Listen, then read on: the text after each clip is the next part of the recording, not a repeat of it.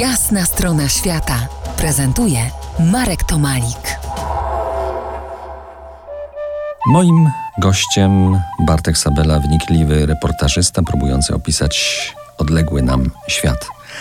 Rozmawiamy dziś o Saharyjskiej Arabskiej Republice Demokratycznej, którą Bartek sportretował w swojej książce Wszystkie ziarna piasku.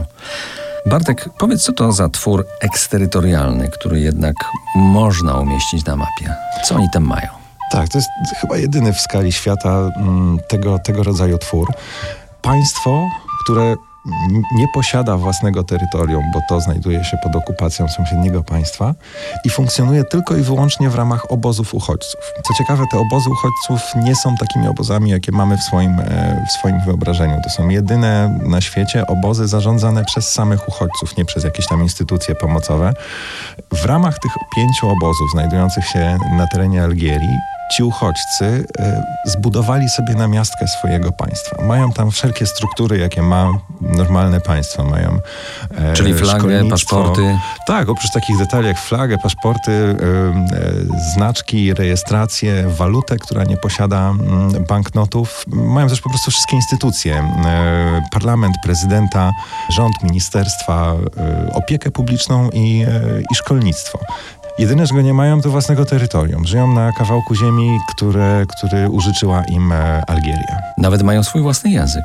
Mają swój własny język, tak. Posługują się, e, ba, nawet dwa języki.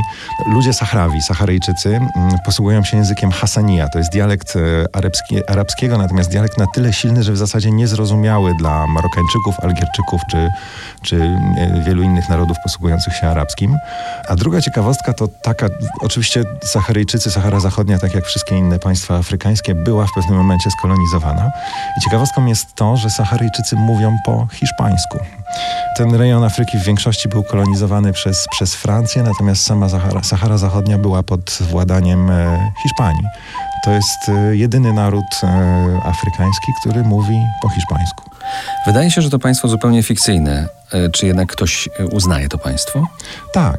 Sahara Zachodnia znajduje się w strukturach e, iluś organizacji międzynarodowych. Jest pełnoprawnym członkiem Unii Afrykańskiej, odpowiednika naszej europejskiej. Jest uznawana przez kilkadziesiąt państw afrykańskich, azjatyckich oraz tych z Ameryki Południowej. Niestety w tych, wśród tych państw nie ma żadnego państwa europejskiego jak na razie. Ale jedna rodzina Saharajczyków mieszka w Polsce. Tak. E, gdy pisałem książkę, dotarłem do. Wtedy mieszkały trzy rodziny Saharyjczyków. Niestety dwie się wyprowadziły. Została jedna, e, która, która mieszka e, w Pile. Jest to lekarz, okulista, świetny człowiek. Rodzinę ma nadal w obozach uchodźców w Algierii. Za kilkanaście minut powrócimy do rozmowy i spróbujemy przyjrzeć się życiu tam, w Saharyjskiej Arabskiej Republice Demokratycznej. Zostańcie z nami po jasnej stronie świata. To jest jasna strona świata w RMS Classic.